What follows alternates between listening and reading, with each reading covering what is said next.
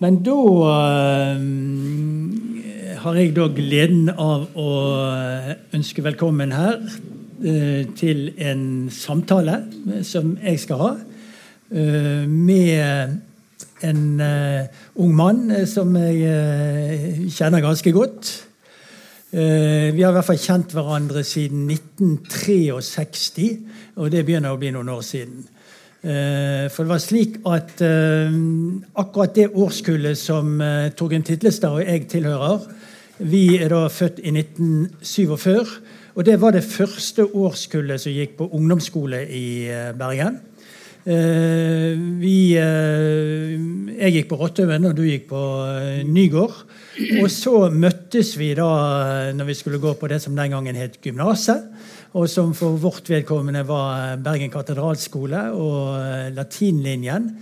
Og fordi dette var i en sånn overgangsperiode mellom realskole og ungdomsskole, så begynte vi i tredje klasse, for det het da tredje gym.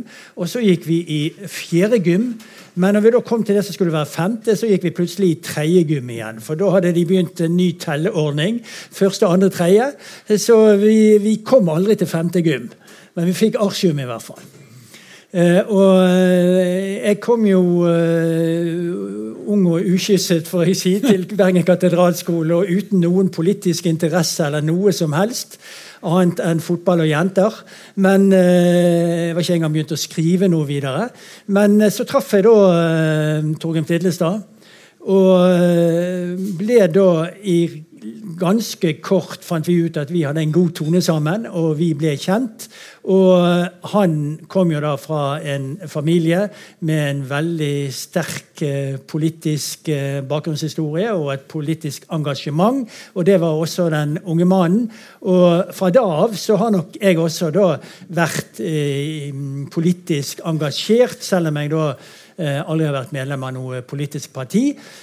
Men en av de tingene vi da skal snakke om, er selvfølgelig uh, denne litt spesielle situasjonen som uh, familien Titlestad var oppe i. Og Grunnen til at vi er samlet, det er jo at Torgrim da har skrevet sin selvbiografi. Som da heter 'Ustoppelig', med undertittelen 'En røst fra den kalde krigens Norge'. Eh, og eh, jeg har jo da selvfølgelig lest denne boken, og jeg må bare si med en gang at det er en veldig gripende skildring av det å vokse opp i et eh, Norge som var da sterkt preget av den kalde krigen, og i en familie som fikk føle konsekvensene av dette veldig sterkt. Og for å komme inn på uh, dette temaet, Torgrim, men det skal jo egentlig handle om deg, dette, for det er jo da selvbiografi, så uh, er det jo slik at vi, vi, blir jo, vi, blir jo, formet av det miljøet vi vokser opp i, og den familien vi kommer fra. Og det er jo faktisk tre personer som har vært med på å gjøre deg til um, den du er blitt. Og da syns jeg det på en måte Allerede nå bør vi plassere Peder Furubotn i det politiske landskapet. Fordi eh, det er jo en relativt voksen forsamling, dette her, ser jeg. De Mange her forbinder nok noe med navnet Peder Furubotn. Men han er på mange måter en glemt figur i norsk historie. Så kan du bare sånn innledningsvis bare plassere Peder Furubotn politisk og historisk eh, for oss? Født i 1890 Kom til Bergen som 14-åring, begynte i møbelsnekkerlære i Synneskleiven. Vet ikke om det huset står her nå. Og eh, ganske tidlig med i fagbevegelsen møbelsnekkerfag. Og eh, antialkohol, naturligvis. Idrett, bryting. Og så med i Arbeiderpartiet og fulgte den revolusjonære fløy, Moskva-fløyen. Var sekretær i Bergens Arbeiderparti, som var et av de største partiene i Bergen. Einar Gerhardsens parti hadde bare få stemmer i sammenlikning. Og, um, ja, ja, ja. Men så ble han upopulær i Moskva fordi at han gikk sine egne veier. Det tror jeg er et godt uttrykk på han. Og Så ble han invitert til Moskva. Han var, så han var veldig stolt av den invitasjonen fordi at um, han var høytidelig invitert Og han reiste i en lykkerus for å møte sovjetparadiset. Så viste seg ikke å være noe paradis. Tvert imot, han holdt jo på å stryke med i Moskva og ble på en måte internert i åtte år. Har, da Moskva-arkivet ble åpna, fikk jeg jo se hans mappe. Første gangen han prøvde i brev å komme ut av Moskva, var i 1934. Han ville hjem til Norge. Men da sendte NKPs ledelse ved formann Emil Løvli en brev om at han kunne bli i Moskva. Og Dermed var den saken bestemt. Han hadde ingen selvstendig vilje å stille opp med. Så prøvde han på nytt i 1938. Det er i grunnen en stor dramatisk historie, men kort fortalt.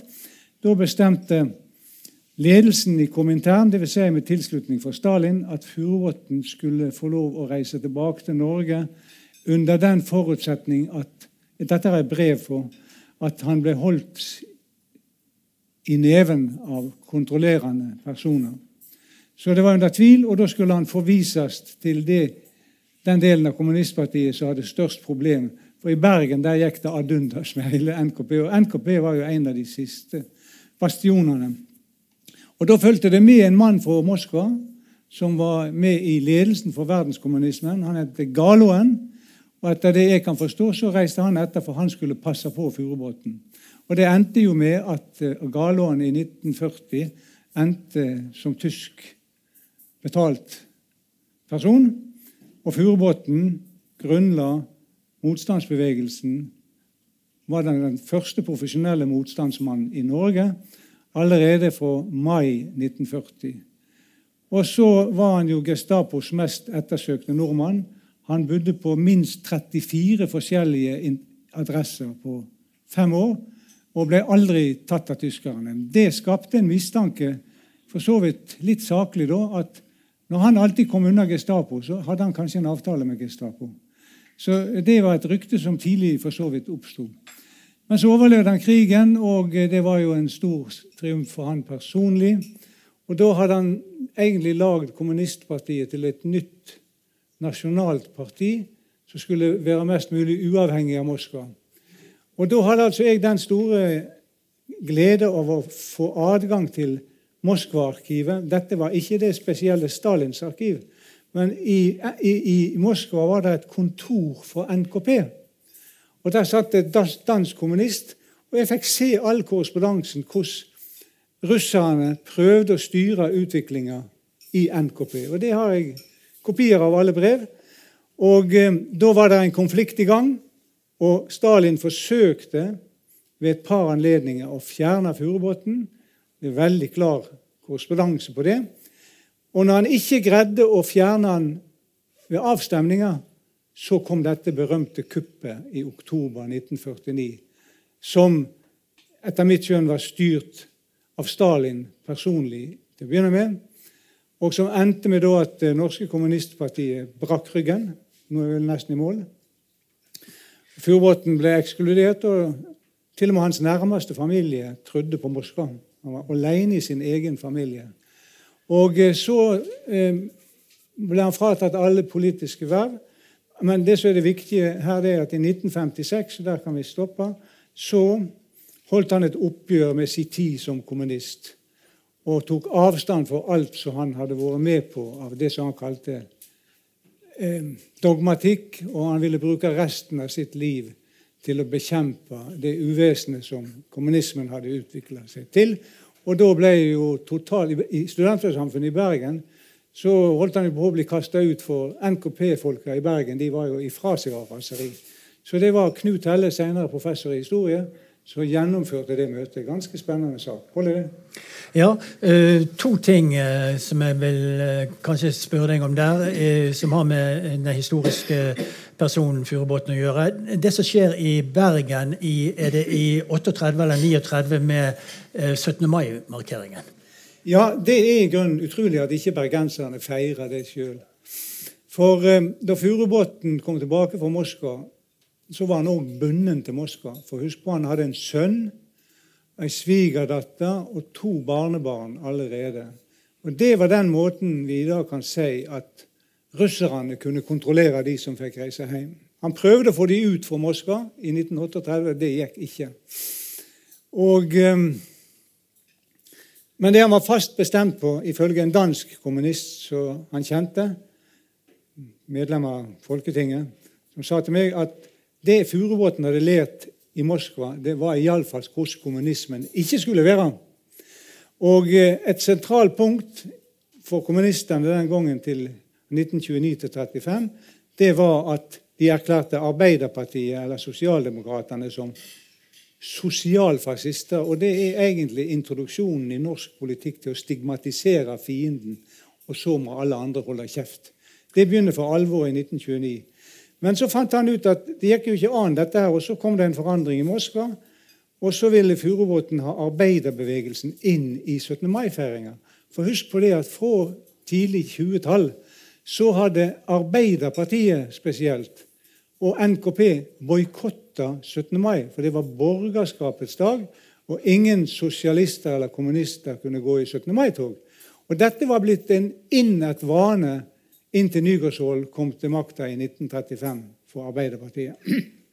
Og Jeg samla alle protokoller fra Bergen og fra andre plasser og så at det var helt unikt, det som skjedde i Bergen. For det var den største 17. mai-feiring som Bergen noen gang hadde eh, hatt. Og eh, Furubotn var den som sørga for at det skjedde i nært samarbeid med Nils Langhelle i Arbeiderpartiet. For de begynte et samarbeid som varte til Langhelle ble tatt i 41 der de prøvde at kommunister og sosialdemokrater skulle samarbeide mot nazismen. Og de laget en parole. Vi vil verge vårt land mot fascismen. Som var parole i 17. mai-toget ja. i Bergen i 1938. Ja, ganske enorm sak. Det var, den. Og det var det ene. Og det andre er jo at uh, tradisjonelt så uh, når det gjelder uh, motstandsbevegelsen i Norge, så er det jo slik at Sovjet og Nazi-Tyskland inngikk, inngikk jo en ikke-angrepsavtale.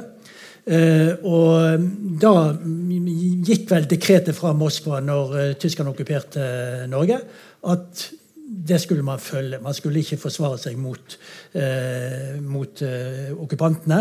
Men der viste uh, Furubotn en helt annen linje. Ja, det, Allerede i 1940, som det du sa. Det er ganske sikkert. Og jeg husker, jeg har, Ikke alt jeg har skrevet ned, men jeg hadde intervju med en gammel bergenskommunist på hans 80-årsdag av eh, Dalland-familien. Og eh, Bjarne Dalland ble henrettet av tyskerne.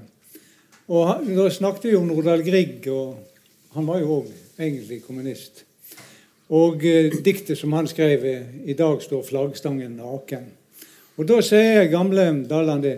Ja, jeg husker det. Du vet Furubotn, han sa at den første jeg skal gi han til når han kommer tilbake, det er kongen. Det er en veldig typisk uttalelse for de som var på motstandslinja, å si det på den måten. Ja, Jeg sa det var tre personer som da er viktige for eh, deg. Og Furubotn er jo viktig fordi han er viktig for de to som da blir dine foreldre. Og som begge har også en veldig spennende og dramatisk dramatisk Du krigshistorie. Kanskje begynne med din mor, da. Ja. Eh, hun var jo ivrig dame. Ja. Og um, ganske, Olaug Karlsen. Ja, Olaug Karlsen. Det var et idiotisk ekteskap. De var jo så forskjellige. Han var bondesønn, og hun var lærerdatter fra Østlandet. Han var vestlending. Det var jo egentlig et håpløst prosjekt. Men krigen førte de sammen, og det som var spesielt med mor Dette var jo ikke jeg sikker på at det var sant. For på slutten av sitt liv så utvikla hun demens. Hun snakket veldig lite om det, men hun fortalte det at hun hadde, da tyskerne ville skyte en del gisler i Håviland, så hadde hun bydd seg å gå imellom. For det var en elev, en 14-åring, som tyskerne da skulle skyte. Altså Tyskerne for veldig brutalt fram på Østlandet. Det er det ikke alle som er klar over. Den boka som ligger der, kanskje, jeg vet ikke om det ligger der, Høyt spill, forteller litt om det. Og Det var nå greit nok. De fortalte mange historier, mor og far. Og jeg hekta meg ikke så veldig opp i den historien. Men så viser det seg at en onkel av meg har skrevet ned dette. En ganske utrolig historie. Og eh, det hun gjorde Hun kunne jo tysk, hadde studert tysk. Hun, da det ble klart at tyskerne skulle skyte ti gisler, så gikk hun til en tysk kaptein som vi nå vet heter Lehmann, og tok opp diskusjonen med han og forlangte at tyskerne skulle la være, for de hadde ikke rett i forhold til folkeretten. Det var i strid med folkeretten, for folkeretten forsvarte til og med at folk væpna seg i en okkupasjon uten uniformer. Og de hadde jo ikke gjort noen ting heller. Og dette var jo en litt fantastisk historie. Og det har vi da bilde av i boken? Det, det, er et fotografi tatt av en tysk soldat som lå i 79 år før vi tilfeldigvis fant den. Så der ser dere hun står Der står moren der og krangler med ja. den tyske lederen. Ja, og det er ganske godt, eh, Jeg tror det er en ganske unik historie i det okkuperte Europa. Og de ble frikjent. De slapp fri. Ja. Mens i nabobygda så skjøt tyskerne gisler. Så det var ganske uhyggelige ting, det som skjedde. Mens din far, Samuel Titlestad, som da kom fra Titlestad, naturlig nok, Ja. eh, han eh, ble jo også Han var egentlig AUF. Eh, Ja, han, AUF, han, var, han var såkalt høyresosialdemokrat. Det står det i AUFs historie. Altså, Han var imot kommunismen. Og eh, han- sto på 17. mai-fløyen. Det er jo Bratt, han, Far min han støtta Bratteli mot venstrefløyen. da. Og eh, han ville ikke ha noe med kommunister å gjøre. Inntil da Nils Langhelle, altså Arbeiderpartiets formann i Bergen, sa at han skulle ta kontakt med Furubotn. For Langhelle og Furubotn hadde da et ganske nært samarbeid allerede våren 1940. Dette har jeg fortalt i andre sammenhenger, men det som skjedde, var jo at Håkon Lie og Olav Brunvann framstilte det som løgner som jeg hadde laga om dem.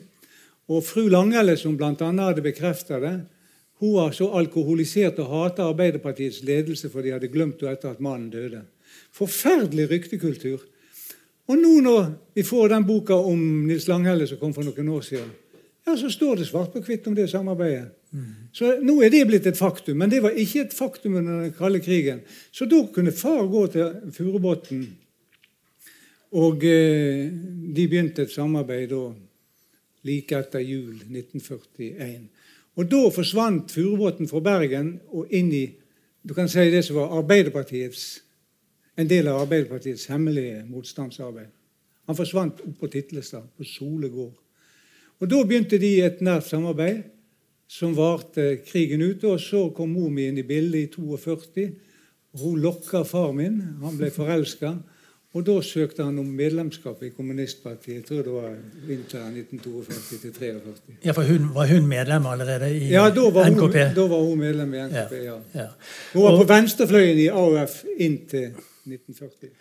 Og din far var jo, eh, var jo en viktig mann i uh, Furubotns motstandsbevegelse. Han var jo eh, nestkommanderende nærmest, og sikkerhetsansvarlig. Ja, I dag har jeg kommet fram til det etter alt jeg har lest, at uten mor og far hadde ikke Furubotn overlevd krigen. For hun skaffet han plasser som hun var sikre på, og far sørga for sikkerheten. Og jeg visste jo ikke altså, Mor hun lo og fortalte henne når far kom hjem, for han var som regel alltid om dagene rundt omkring, på ski eller til fots. Så hadde de studiesirkel om kvelden sånn i 7-8-tida. Da studerte de Marx, Engels, Lenin osv. Furubotn var leder. og Så kom far inn da, og fått middag, og så satt han til bords, og så sovna han nesten alltid. Og dette her, Han var jo litt irritert på denne beretningen, da, for den var jo sann. Men det som ikke jeg visste da, det er ei som heter eh, Solbrekken, som har skrevet en bok om kom i fjor. Stapos mest ettersøkte nordmenn, eller i forfjor. Han hadde et omfattende sikkerhetsnettverk rundt alle plassene de bodde. Med postkasser. Han infiltrerte lensmannskontoret som var styrt av NS osv. Og, så videre, og de fikk rapporter fortløpende. Og da hadde han x antall postkasser, og han personlig kontrollerte de postkassene. For han stolte ikke på at folk leverte advarsler i riktig tid. Og dermed så kunne altså Furubotn være trygg. Og mor mi sa under krigen var ingen plass hun sov tryggere enn i Furubotns forlegning. Men din mor ble arrestert på slutten av krigen. Ja, Hun havnet på Grini. ja og, og hennes historie Hun ble jo sjuk. Ikke alvorlig, men um, altså det, før- Først så ble hun nesten skutt i hjel i 42. Og Da datt hun i ei elv med isvann. Og da var de på 24 timers flukt uten mat eller vann. Gestapo fotfølgte de. Og hun fortalte at isjøklene de smalt på låret. De forfrosne. Og kulene suste rundt ørene på dem. Og det er klart, det der må jo ha forberedt en langtidsskade. Og eh, Så ble hun tatt i 1944, og far min irriterte seg så veldig på det. For han hadde gitt ordre der skal dere vente på meg. Men så gikk det så lang tid sier mormor før han kom, så vi tenkte vi fikk stikke av. Og eh, Vi gikk til fjells, for vi var sikre at det var tryggest. Naturligvis var det det motsatte de skulle gjort, for der kom det storkfly. Så så de. Så ble de tatt. Det var, det var, aksjon Almenrausch. Ja. Den store, altså en av de største aksjonene Gestapo hadde under krigen. Rettet mot eh, kommunistenes motstandsbevegelse i Valdresfjellene. Sånn. Hans far gikk midt inn i linjene, tyskerne. og Der satt de trygt mens tyskerne mellom 800 og 4000 mann med norsk nazipoliti. Kjemma fjellet. Mm. Det var ved Dovre. Jeg tenker ofte på det. De bodde i Dovregubbens hall, og det var sannsynligvis Dovregubben som beskytta dem. Skål. ja, altså, Furubotn ble jo kalt Gubben. Så det, vi kunne jo, som dere forstår, holdt på lenge å snakke bare om krigen og den dramatikken som skjedde i den bevegelsen. der, Men krigen tok jo slutt, og dine foreldre ble gift den 30. juni 1945. Ja, ja. Uh, og det husker jeg fordi det står i boken, og fordi det er fødselsdagen hans to år seinere. Uh, men da eh, begynner vi altså, Dette er jo din, eh, din selvbiografi. Og, og du ble da født i uh, 47. Og hvordan, hvor Dere bodde på Titlestad først? Nei, Nei, først bodde vi på Søreide i fire måneder. Søreide, ja. Mm -hmm. Og så flytta vi inn i huset til min farbror Johannes. Og Der bodde vi til jeg var sju år. Vi flytta til Bergen sentrum 30. juni 1954. Okay. Det var en trist dag. det var rett før du skulle begynne i første klasse? Det, da. Ja, det var det. Og da bodde dere altså i Hans Holmbos gate, 24, helt opp mot uh, Parkveien. Uh, altså krysset med Parkveien.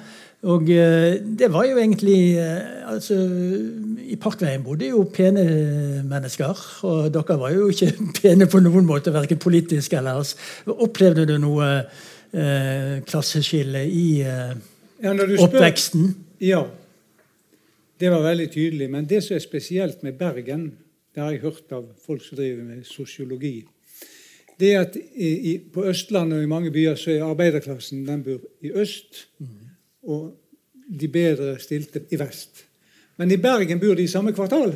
Ja, og, det jeg, og det er jo interessant hva slags politiske konsekvenser det kan ha.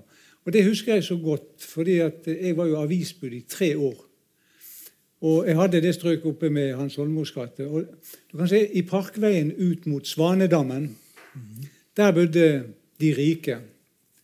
Og eh, så i, i Hans Holmos gate, der vi bodde, så bodde i tidligere patricierleiligheter, som mor sa. De var kalde og høyt under taket, men det var noe greit nok.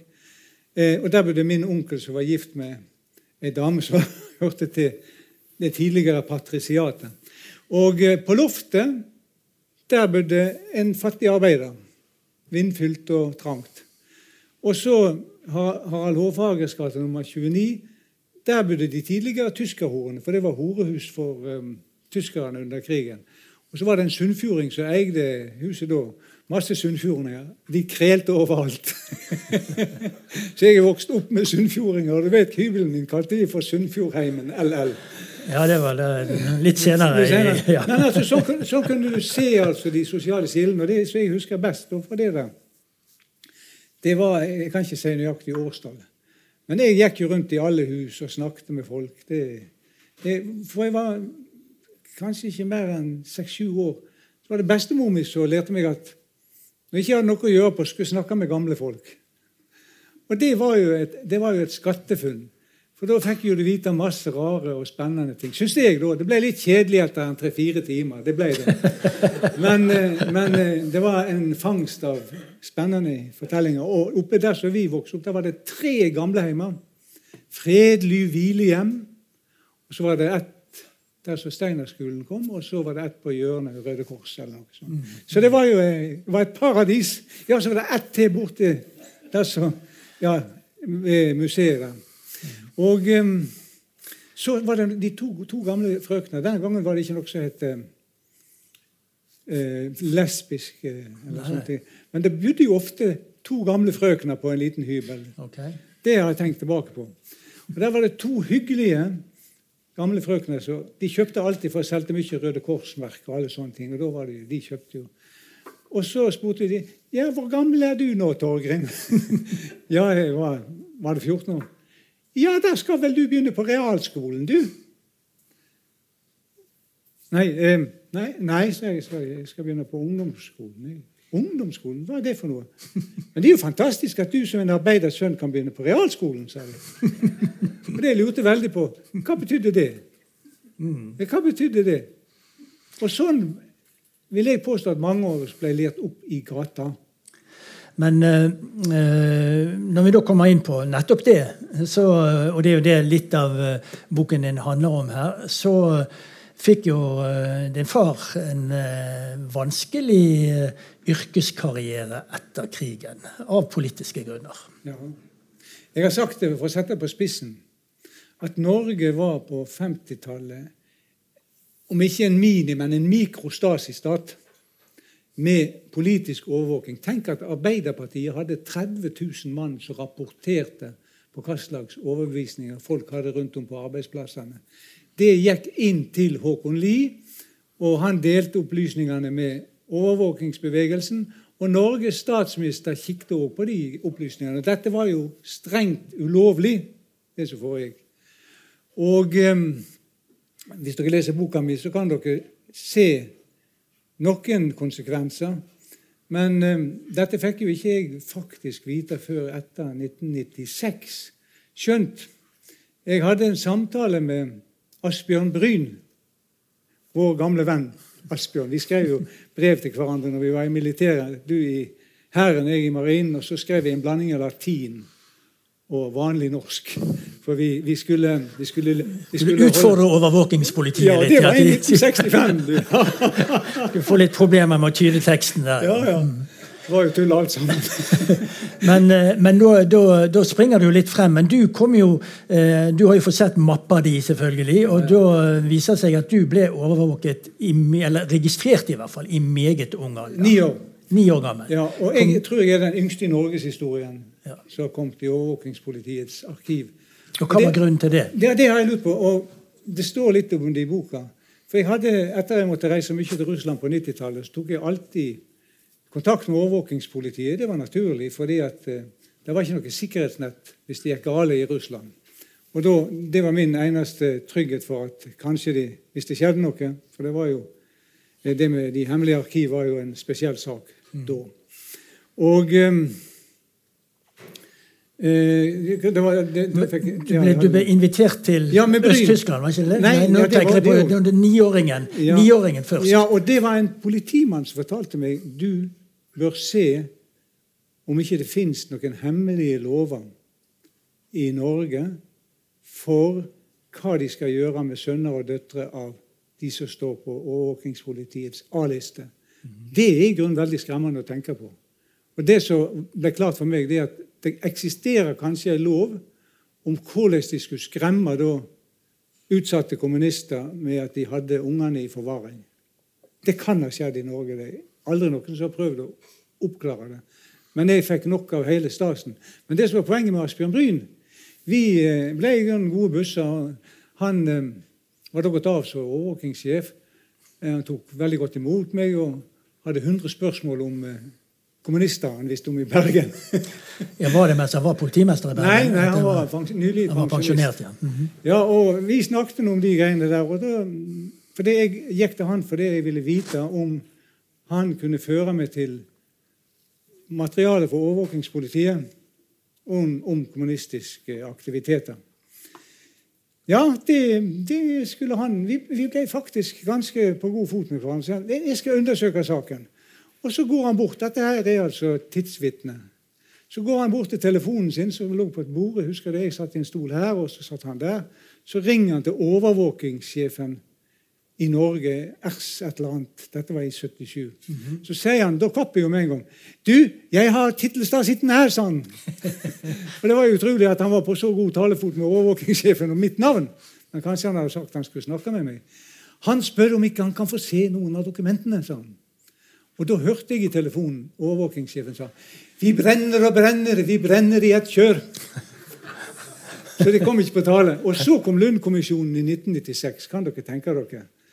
Og min mappe er syltynn. For alt er brent. brent. Kanskje, kanskje, det fins en plass i, i, i, USA. Jeg vet ikke. For husk på, både KGB og Gestapo hadde alltid kopier av sine ting. Mm. Men dette er altså den kalde krigen. sant? Og, og eh, din far hadde da vært eh, motstandsmann i ledelsen for den kanskje mest effektive motstandsbevegelsen under store deler av krigen. Men han fikk ikke noen spesiell belønning for det etter krigen. Uh, han ble uglesett både fra NKP etter at de ble eh, ekskludert av uh, kommunistpartiet, og fra Arbeiderpartiet fordi han da hadde vært kommunist uh, under hele krigen. Og det fikk yrkesmessige konsekvenser. Ja, det gjorde det. Det kan dere lese i boka. og Det er viktig for meg å vise at det er en spesiell ting. Én ting var Håkon Lie sitt så å si private overvåkingspoliti på alle større norske industriarbeiderplasser. Det andre var NKP. Husk på at NKP jeg tror de hadde 24% av stemmen i Bergen i 1945. Det var et digert parti. Og eh, det gikk jo gradvis nedover da. Men, eh, og dette kan dere lese. Det høres ut som en gal manns tale. Men eh, far og Furubotn ble anklaga for å ha vært Gestapo-agenter under krigen. Og etter krigen amerikanske agenter. Og dette ble forkynt, Deler av denne anklagen sto i Friheten, og ledelsen i NKP forkynte at denne forbrytergjengen burde vært hengt offentlig. Og det gjorde de jo med den typen kommunister i Øst-Europa. De ble jo hengt. skåtene, og fæle ting skjedde.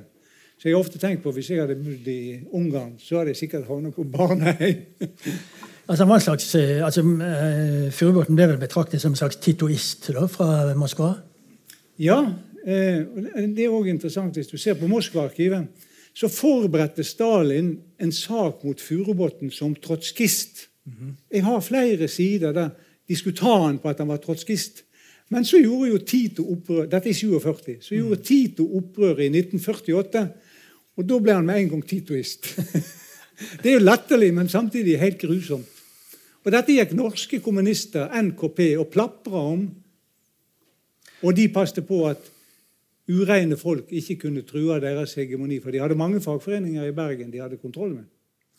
Og så ble de ekskludert, selv om det vel, hvis jeg husker riktig, var det et flertall som ble ekskludert av et mindretall ja. i NKP i 1949. Ja. Det var et kupp, et regelrett kupp. og Mindretallet ekskluderte flertallet. Ja, ja, Med Asbjørn Sunde med revolver i hånden som uh, aktiv i ja, det er mulig han hadde det. Det er ikke helt sikkert, men uh... Ja, altså Det står det i din bok, da, eller ikke denne boken, men en ja, av dine tidligere ja, ja, bøker. Ja, men jeg, har gjort, altså, jeg, har, jeg, undersøker jo stadig disse sakene når det kommer opp nytt stoff. Mm. Men det var folk på vei og skulle Strand Johansen ble jo gal. Han mm. tørna akkurat den natta. Var formann i NKP på det tidspunktet? Nei, han var ikke formann. Var... Altså, var. Ledende NKP-mann. For han, han, var sikker på at Furubotn var amerikansk agent. Og eh, Så ville han ha med seg folk ut der Furubotn bodde, og finne bevisene. Og han eh, gikk til en annen kjent motstandsmann oh, Jeg husker ikke navnet i farten. Han eh, Pelle. Mm. Hørt om han? Pelle. Sabotøren. Ja. Og Han visste at han hadde avsaga hagle. Hadde han med seg en som heter Nikolai Danielsen. Han var jo helt ifra seg, for han skjønte jo at dette var vanvidd. Og eh, De skulle ut da med, våpen, med den avsaga hagla så skulle de true Furubotn til å levere ut dokumenter. Og eh, Det som skjedde når de banka på døra klokka tolv om natta, eller noe sånt, spratt døra opp, og der sto Pelle med den avsaga hagla i handa og spurte hva de ville.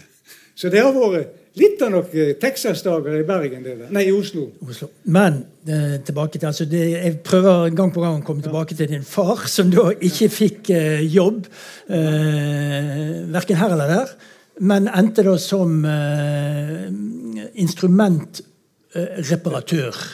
Eh, hadde sitt lille verksted.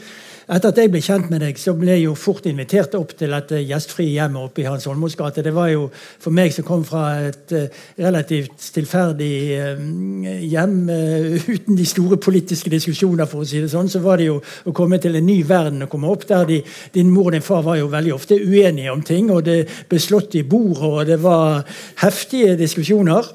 Men lærerikt og har gitt meg minner for livet, for å si det sånn. Men eh, vi var jo, eller du da, var jo også kommet i en alder eh, altså Vi begge var jo i en alder der vi da prøvde å orientere oss litt eh, politisk. Og litt grann om det miljøet som vi kom på da på Bergen katedralskole. Hvordan opplevde du det? Ja, Jeg følte det som jeg kom til en vegg av Nato-frelste og et kristelig ungdomslag som var veldig dogmatisk og Vi har venner med Magna Carta i dag. Han var en av de, og så Tor Hauken, og så var det nummer tre. Hvem var det?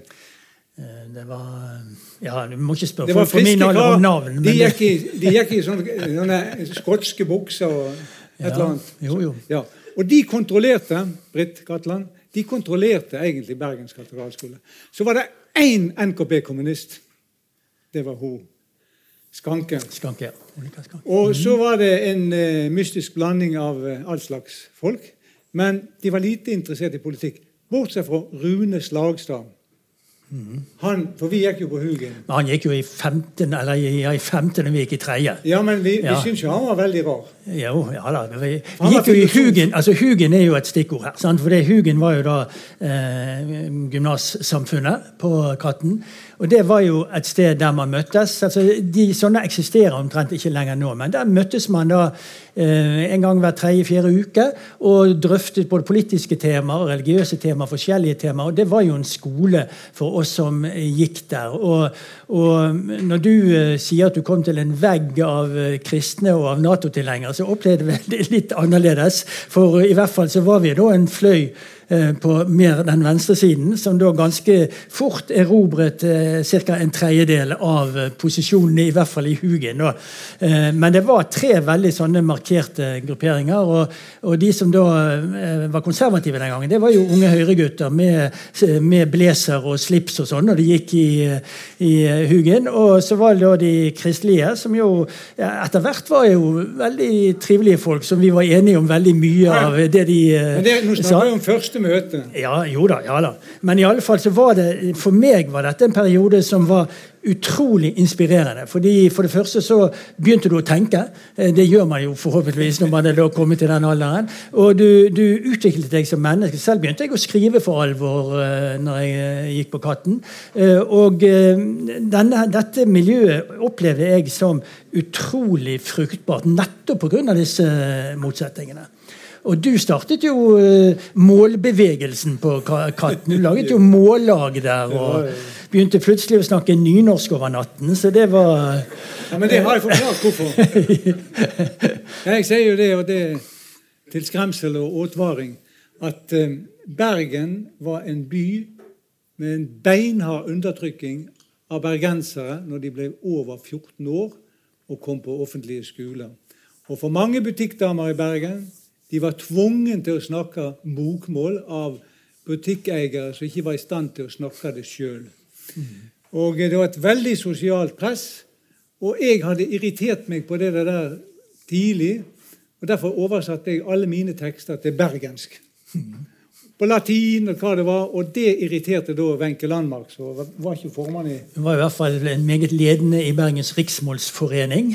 Ja, og var vår lektor i historie, eller vi henne i. Ja, og eh, En dag kom hun bort til meg og sa du, hun måtte snakke med meg om mine oversettelser.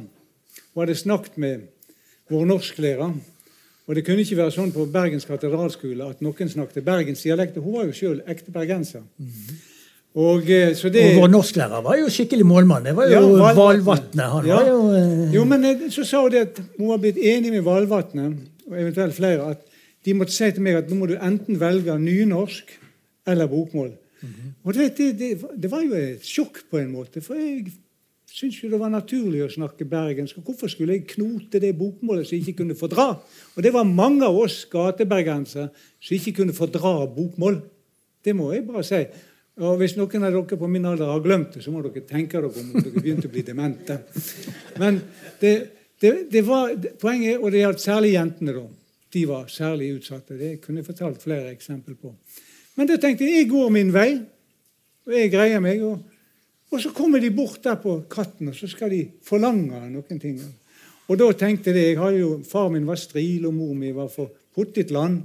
Så det gikk jo på dialekt hjemme hos oss. Og, og nynorsken sto høyt i kurs. Så tenkte jeg at hvis det der er valget jeg må ta, så tar jeg nynorsk, for det faller lettere på min tunge. Jeg er jo halvparten av livet på Titlestad og halvparten i Bergen. Og du vet, han der Jeg tror han gjorde ikke annet enn å le i 14 dager. Nei, men Det var på grunn av at du plutselig som jeg sa, begynte å snakke nynorsk over natten. Men selv ble jeg jo da samnorskmann i ca. 14 dager. Før jeg fant ut at det var i hvert fall et ubegripelig eh, blandingsspråk som eh, ikke var til noe videre nytte. Men uh, Torgrim, det var gode år på Katten, og så gikk vi videre til universitetet. Og du er jo da først og fremst blitt historiker. Og med egentlig spesialitet på eldre norsk historie, altså vikingtiden og den historiske perioden. Men hva var det som gjorde i utgangspunktet at du ble historisk interessert?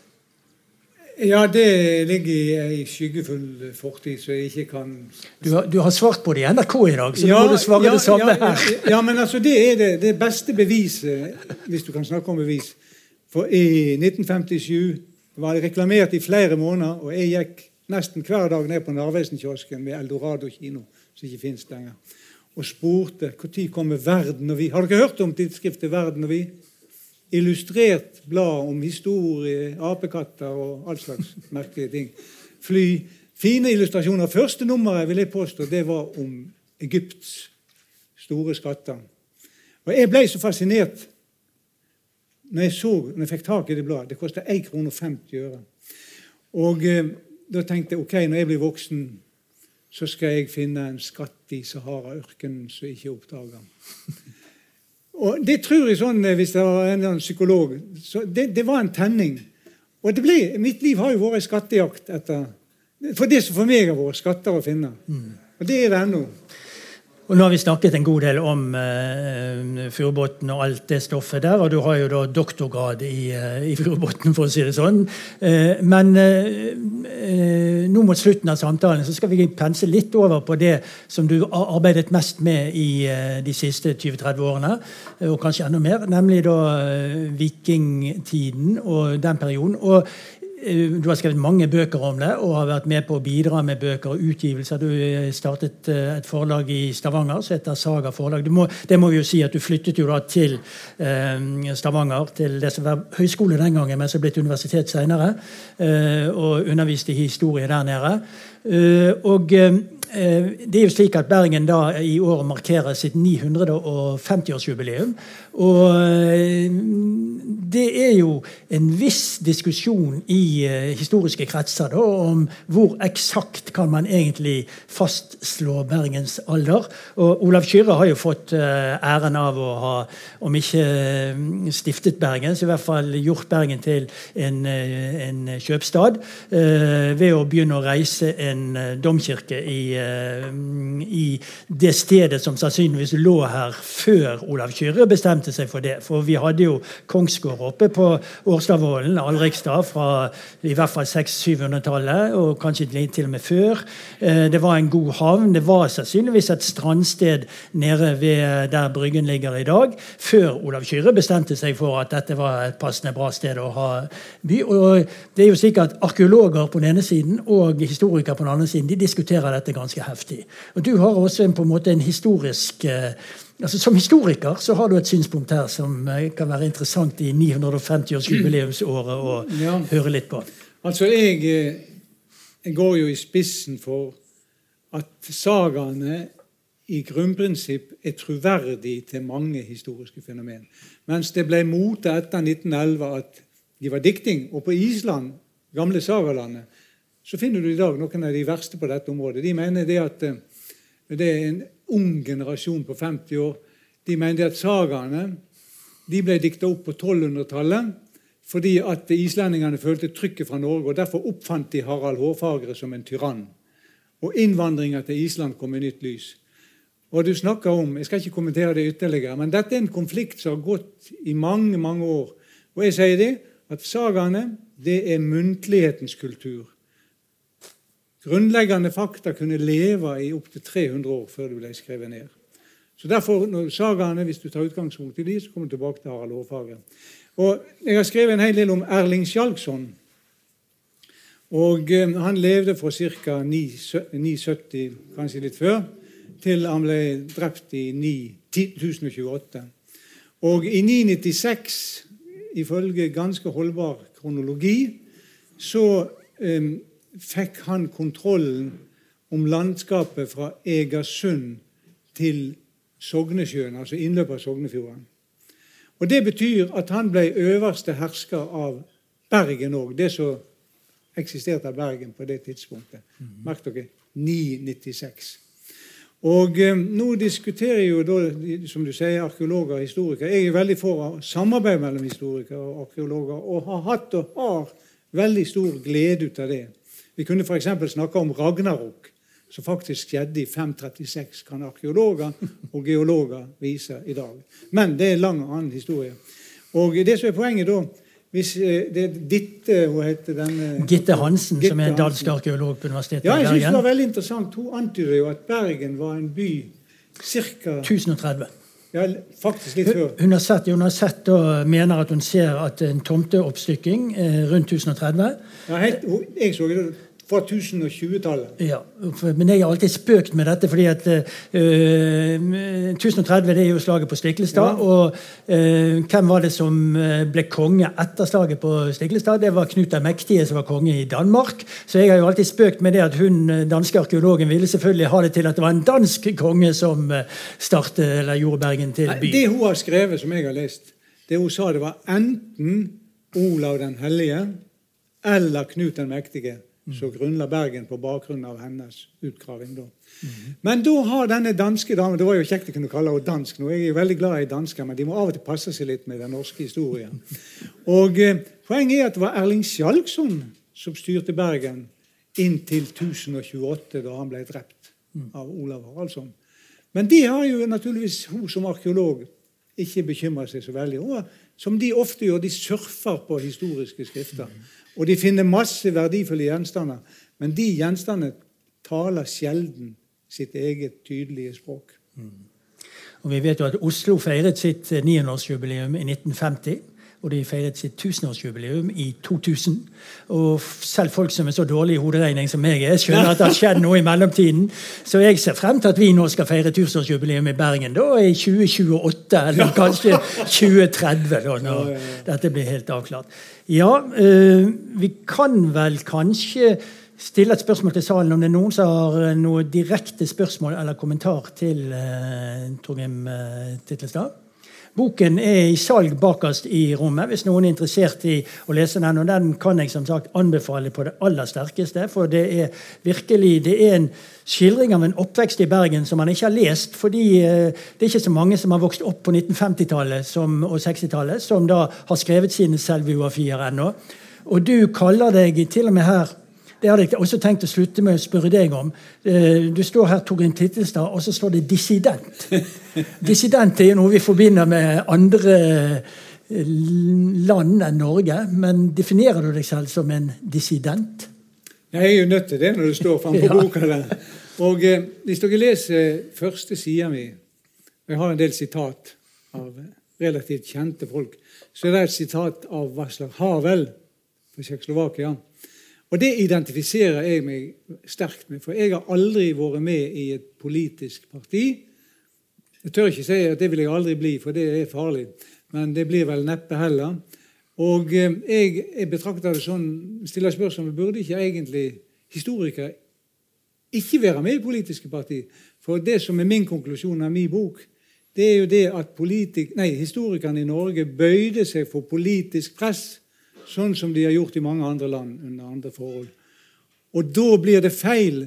Og da hvis du er utenfor partipolitikk, så blir det lettere. For Hvis jeg ser på den generasjonen og de som kom til etter meg, så ser jeg så tydelig hvordan partipolitiske preferanser slår ut i deres forskning. Mm. Og Det mener jeg er veldig uheldig. Ingen kan være perfekt, men vi kan jo streve litt etter det. Eh, da tenker jeg at jeg i hvert fall takker for oppmerksomheten her oppe fra. Og som sagt, det er bøker bak, og forfatteren kan signere bøkene hvis det er noen som kjøper. Takk for oss. Takk for oss.